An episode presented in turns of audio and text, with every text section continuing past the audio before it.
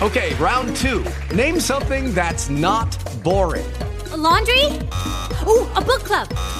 Computer solitaire, huh? Ah, oh, sorry, we were looking for Chumba Casino. That's right. ChumbaCasino.com has over 100 casino style games. Join today and play for free for your chance to redeem some serious prizes. ChumbaCasino.com. No purchase necessary. Full prohibited by law. 18 plus terms and conditions apply. See website for details.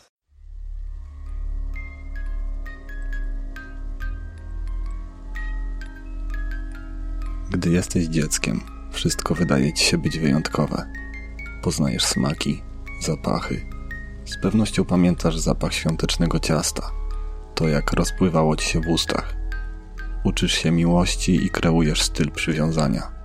Zaczynasz rozumieć, na czym polega bliskość. Gdy coś cię boli lub się przestraszysz, udajesz się do najbliższej ci osoby, swojej mamy, która niczym wróżka potrafi sprawić, że ból i niepokój znika. Niektóre dzieci nie mają tyle szczęścia.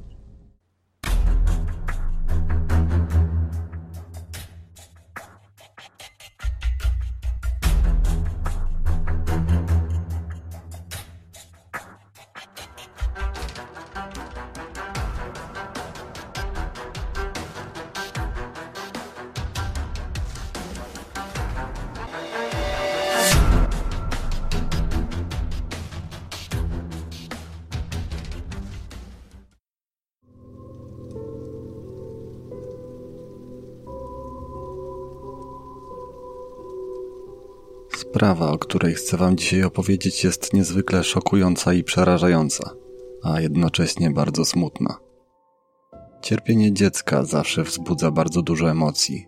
To niewyobrażalne, że są ludzie, którzy z premedytacją i bez cienia empatii potrafią pastwić się nad małymi ludźmi, za których notabene są odpowiedzialni.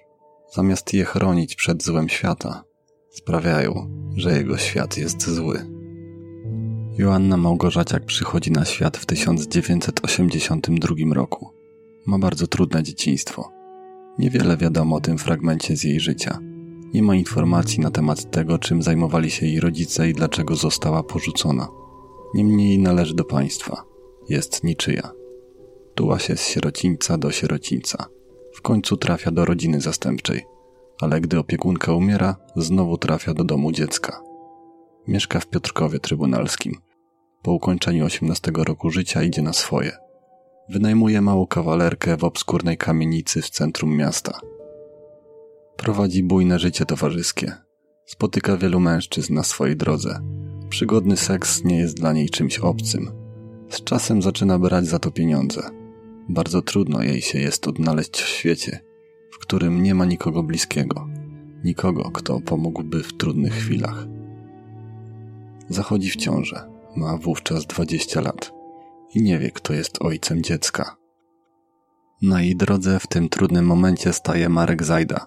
Jest dużo starszy. Jego żona zmarła jakiś czas temu. Mieszka w piętrowej kamienicy przy ulicy Partyzantów. Górę zajmują jego dorosłe już dzieci i wnuki, a także matka. On sam zadowala się małym pokoikiem w suterenie. Gdy spotyka dziewczynę, ta jest w zaawansowanej ciąży. Proponuje, by się do niego wprowadziła. Przekonuje, że miejsca jedzenia wystarczy dla całej trójki. Wokół jest zielono, jest podwórko, dziecko będzie miało odpowiednie warunki. Joanna nie waha się ani chwili. Właściwie nie ma nic do stracenia. Od jakiegoś czasu nie tylko nie ma gdzie mieszkać, ale też za co żyć. Nadchodzi dzień porodu. 2 lutego 2002 roku. Marek wiezie Joannę do szpitala. Rodzi się Oskar. Mężczyznę przepełnia szczęście i duma, gdy bierze noworodka na ręce po raz pierwszy.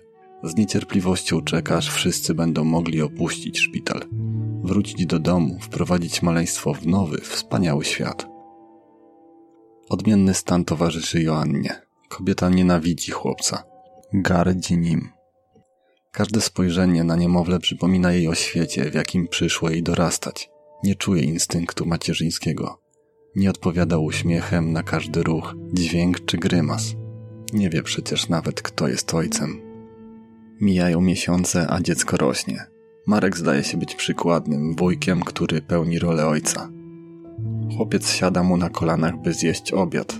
To do niego ucieka przerażony koszmarem w środku nocy. Spędzają dnie grając na akordeonie, jeżdżąc na rowerku trójkołowym lub w ogródku na huśtawce, którą Marek zamontował dla malca. Ten jest radosny, często się śmieje. Nikt na niego nie krzyczy, nie bije. Nigdy nie jest głodny.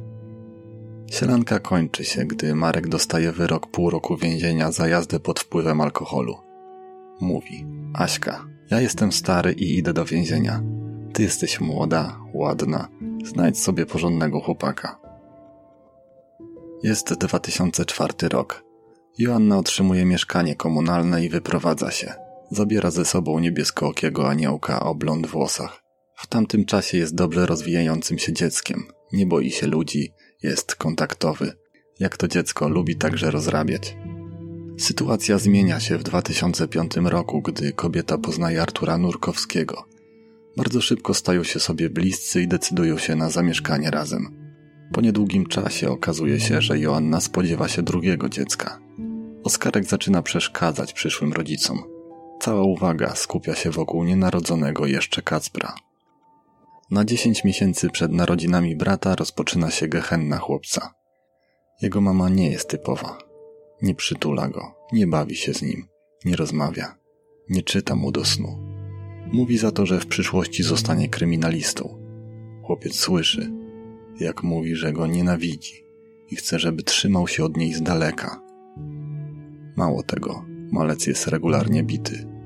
Nie, nie chodzi o klapsa za pociągnięcie za włosy. Oskar jest bity brutalnie. Na początku po pupie, a później po całym ciele. Na oślep. Po głowie, po plecach i nogach. Jest popychany. Rzucany na ściany i meble. Znęca się nad nim ojczym, a gdy ten biegnie po pomoc do matki, ta bije go jeszcze mocniej. Przypalają żelazkiem. Biją otwartą ręką, pięścią, skórzanym paskiem. Są chwile, w których także go kopią. Klatkę piersiową, w twarz. Raz tak mocno, że Oskarkowi wypada kilka zębów. Gdy buzia zalewa się krwią, mężczyzna podchodzi i z uśmiechem na ustach wyrywa mu ruszające się zęby. Dziecko na początku płacze, później szlocha. W pewnym momencie zaczyna już tylko stękać. Jest ciche, nie skarży się. I tak nikt mu nie pomoże. Mama przecież chce, by trzymał się od niej z daleka. Pewnie marzy wtedy o tym, że to piekło kiedyś się skończy. Musi tylko być grzeczny i być cicho. Powody bicia są różne. Jednym z nich jest głód. Artur Nurkowski denerwuje się za każdym razem, gdy Oskar prosi o kanapki. Tylko by jadł i jadł, mówi. Nie może tego znieść. Gdy malec sięga do lodówki, by wziąć cokolwiek, ojczym oskarża go o kradzież. Jakkolwiek absurdalnie by to nie zabrzmiało, jego ojczym naprawdę uważa, że kilkuletnie dziecko kradnie z lodówki jedzenie. Wyjada wszystko, co znajdzie, mówi. Nie zdaje sobie lub nie chce zdawać sobie sprawy z tego, że Oskar już wtedy ma bardzo niską wagę i poważną anemię. Ciągle jest głodny, bo rodzice nie zaspokajają jego podstawowych potrzeb. Oskar krzyczy wtedy bardzo głośno, wpada w furię. Słyszy go cała kamienica, ale nikt nie reaguje. Sąsiedzi uznają te krzyki za normalną część komunalnego życia. Pewnie myślą, że rodzice zabrali dziecku zabawkę albo nie chcieli kupić lizaka. W czerwcu 2005 roku mieszkanie Joanny i konkubenta odwiedza siostrzenica Artura, pięcioletnia Wiktoria. Dziewczynka bawi się z małym Oskarem. Jest głośno. Dzieci bawią się w najlepsze. Gdy nadchodzi pora jedzenia, chłopiec przypomina sobie, jak bardzo jest głodny. Szybko zjada swoją zupę i sięga po talerz Wiktorii. Widzi to Artur. Jest pijany, a to nie wróży niczego dobrego. Wpada w szał. Chwyta malca za prawą rękę. Wykręca ją, a następnie łamie. Przemieszczona kość niemal przebija skórę. Dziecko jest w szoku. Wyje z bólu, stęka. Wszystkiemu przygląda się Wiktoria. W odruchu litości lub w obawie, że dziewczynka opowie o zajściu rodzicom, para zabiera dziecko na oddział dziecięcy, gdzie lekarze zakładają mu gips. Po około siedmiu tygodniach rodzice decydują się go samodzielnie zdjąć. Trudno stwierdzić, dlaczego to robił. Rączka Oskarka jeszcze się nie zrosła. Zresztą nie jest to możliwe, bo dziecko jest tak wygłodzone, że proces regeneracji nie występuje. Matka widzi, że rączka puchnie, że bardzo go boli przy każdym, nawet najmniejszym ruchu, ale ignoruje to. Przez kolejne 10 miesięcy dziecko chodzi ze złamaniem. Drugim powodem bicia jest zimno. Jak można się domyślić, niedożywienie powoduje także niemożność ogrzania ciała. To dlatego chłopiec ciągle stoi przy piecu, do którego wyciąga rączki, by choć na chwilę odczuć ulgę. Z kolei to bardzo denerwuje jego matkę.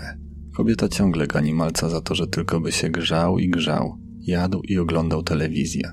Gdy go na tym przyłapuje, szarpie go, kopie w brzuszek. Od czasu do czasu wyciąga skórzany pasek, którym zadaje bolesne rany na plecach i pupie Oskara. Czasem przypala żelazkiem. Pewnego dnia, gdy dziecko po raz kolejny wyciągnie ręce w stronę pieca, Joanna nie wytrzymuje. Nie może zrozumieć, dlaczego to dziecko jest takie niegrzeczne i nieposłuszne. Przecież jasno dała mu do zrozumienia, że ma przestać się grzać. Rozwścieczona wybiega z kuchni, chwyta za ręce malca i jedną z nich przykłada do rozgrzanego pieca. Rana na nadgarstku jest paskudna i bardzo bolesna. Dziecko nic nie mówi. Zaczyna krzyczeć dopiero na słowa matki, że zrobiła to, bo znowu się grzał. Wszystkiemu przygląda się Artur, ale ten nie reaguje. Oskarek przez kolejne miesiące chodzi z niezagojoną raną na nadgarstku. Trzecim powodem bicia jest moczenie się. W nocy, w łóżko czy w majtki na widok ojczyma. Trudno się temu dziwić. Dziecko, które nie ufa opiekunom, nie będzie wołało siku. Będzie raczej dystansowało się, uciekało od interakcji. Pierwsze moczenie ma miejsce 1 lutego 2006 roku. Artur wścieka się za każdym razem, ma dość zmieniania pościeli. Próbuje przekupić malca jedzeniem, by przestał, a gdy to nie skutkuje, zmienia taktykę. Na swoją ulubioną. Od pewnego czasu jest nią uderzanie chłopca pięścią w brzuch. 28 lutego 2006 roku robi to zdecydowanie za mocno. W tym czasie Oskarek jest wygłodzony, waży 11 kg, tyle co półtora roczne dziecko. Jego ciało pokryte jest licznymi bliznami i niegojącymi się ranami. Jest posiniaczone, na plecach są fragmenty, przez które widać mięso. Malec ma krwiaki na całym ciele, przerzedzone włosy od uderzania w główkę, od kilku tygodni także pękniętą czaszkę. 28 lutego, w niecały miesiąc po swoich czwartych urodzinach, po raz kolejny moczy się w łóżko. Boi się przyznać. Leży nieruchomo w mokrej pościeli, a strach nie pozwala mu usnąć. Malec doskonale wie, co go czeka. Nie myli się. Gdy w drzwiach staje Artur, od razu orientuje się, co się stało. Czuje woń moczu. Niewiele myśląc, wyciąga chłopca z łóżka i stawia przed sobą. Zaciska dłoń w pięść i uderza w brzuch. Nie kontroluje siły. Z pierwszym ciosem odrywają się nerki. Z kolejnym, tym razem mocniejszym, pęka wątroba. Mężczyzna ignoruje fakt, że oczy Oskarka zakrywają się białkami. Dziecko jak zwykle nic nie mówi, nie płacze, nie krzyczy. Rano, gdy Artur wychodzi z domu, nieśmiało podchodzi do matki. Choć wie, że tej zupełnie nie interesuje stan, w jakim się znajduje, jak się czuje i czy potrzebuje pomocy. Nie ma wyjścia. Czuję, że tym razem coś poszło nie tak. Mamusiu, brzuch boli. Kobieta niewiele uwagi przykłada do słów chłopca. Jej zainteresowanie skupia wokół małego kacperka. W odróżnieniu od Oskara, niemowlak jest dopilnowany, najedzony i kochany. Teraz płacze, więc Joanna musi pokazać mu coś kolorowego, opowiedzieć bajkę, ponosić na rękach. I w głowie jej jakiejś żale czterolatka. Od tamtej chwili Oskar niewiele się odzywa.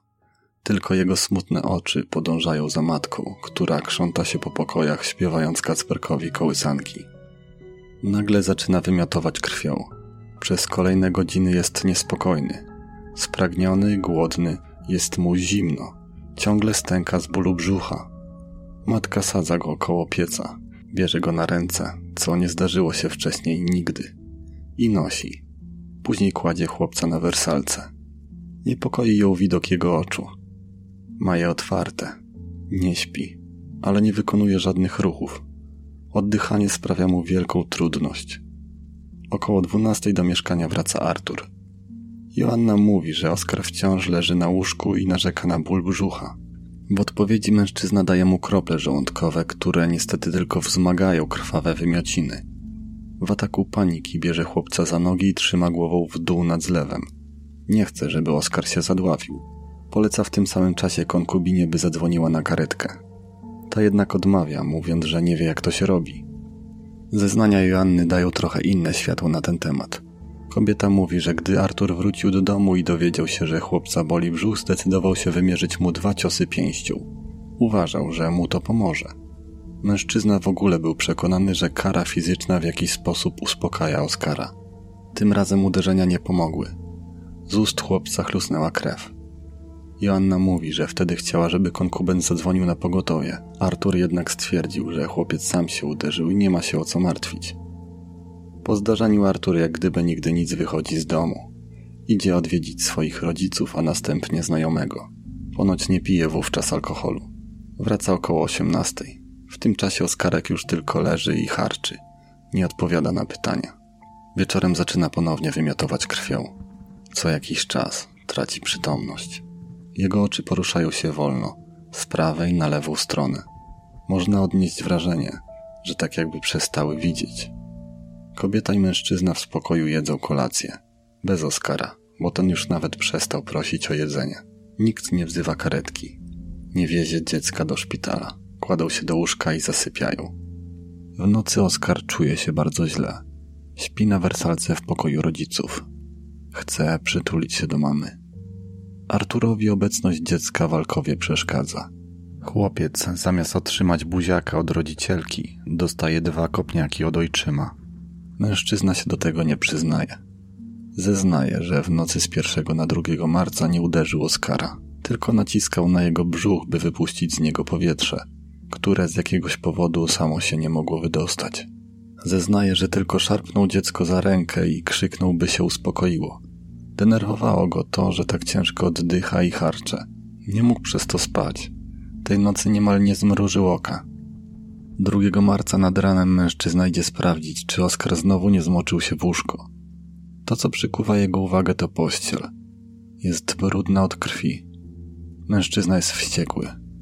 W jego głowie pojawia się myśl, że po raz kolejny w ciągu tygodnia konieczna jest zmiana pościeli. Już chce się zamachnąć, ale zamiera. Dziecko jest sine. Z ust leci mu krew. Około czwartej nad ranem idzie do swojej matki po tabletki przeciwbólowe i herbatki ziołowe dla Oskara. Wraca, ale zaraz wychodzi. Dziecko jest w krytycznym stanie. Podświadomie wie, że jest martwe. Jest przerażony. Boi się. O siebie rzecz jasna. Już raz został złapany przez policję za kradzież z włamaniem. Nie chce dopuścić do tego drugi raz. Udaje się w stronę mieszkania swojej matki, by anonimowo zadzwonić po pogotowie. Konkubina mówi mu, by przez jakiś czas nie wracał. Po kilku minutach do mieszkania wpadają ratownicy medyczni. Próbują reanimować chłopca, ale jest już za późno. Dziecko umiera na skutek urazów wewnętrznych brzucha, krwotoku wewnętrznego, wstrząsu pourazowego i ogólnego wycieńczenia organizmu. Temu wszystkiemu bez żadnych emocji w milczeniu przygląda się matka. Tuli i kołysze dziewięciomiesięcznego wówczas Kacpra. Na pytanie odpowiada lakonicznie. Skąd na brodzie chłopca tak głęboka rana? Odpowiada, że się przewrócił. Jak złamał rękę. Ano złamała się, gdy próbowałam go przekręcić na łóżku. Wszyscy obecni na miejscu zapłakali nad bezwładnym ciałkiem. Tylko nie Joanna. Około piątej rano Artur zostaje zaaresztowany w domu swojej matki. Oskarek nie żyje, a on jest głównym podejrzanym.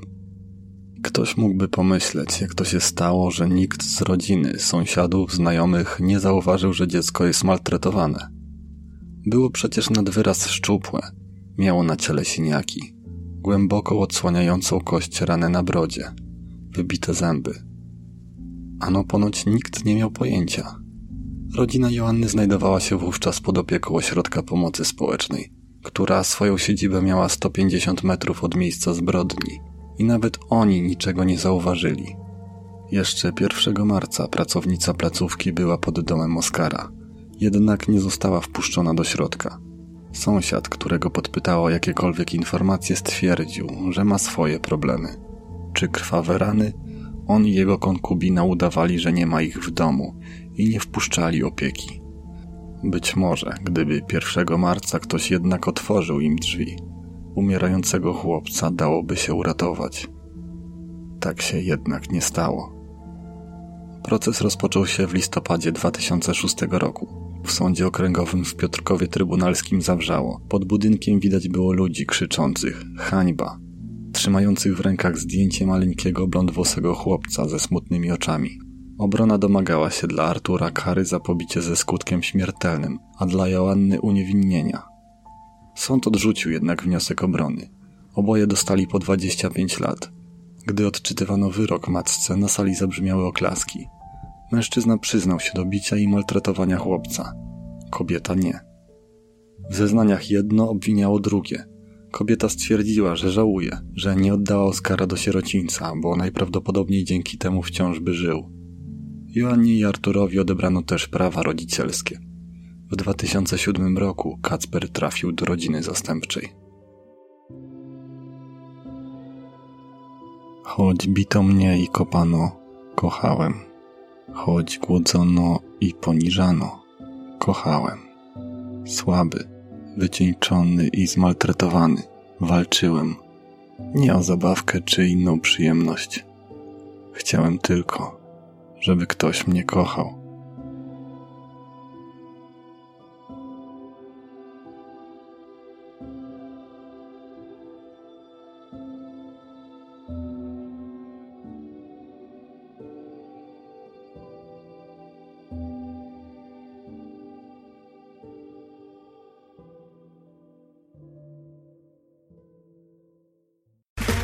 Okay, round two. Name something that's not boring.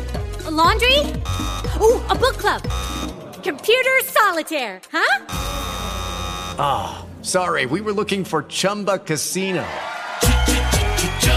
That's right. ChumbaCasino.com has over 100 casino style games. Join today and play for free for your chance to redeem some serious prizes. ChumbaCasino.com. No purchase necessary. Where prohibited by law. 18 plus terms and conditions apply. See website for details.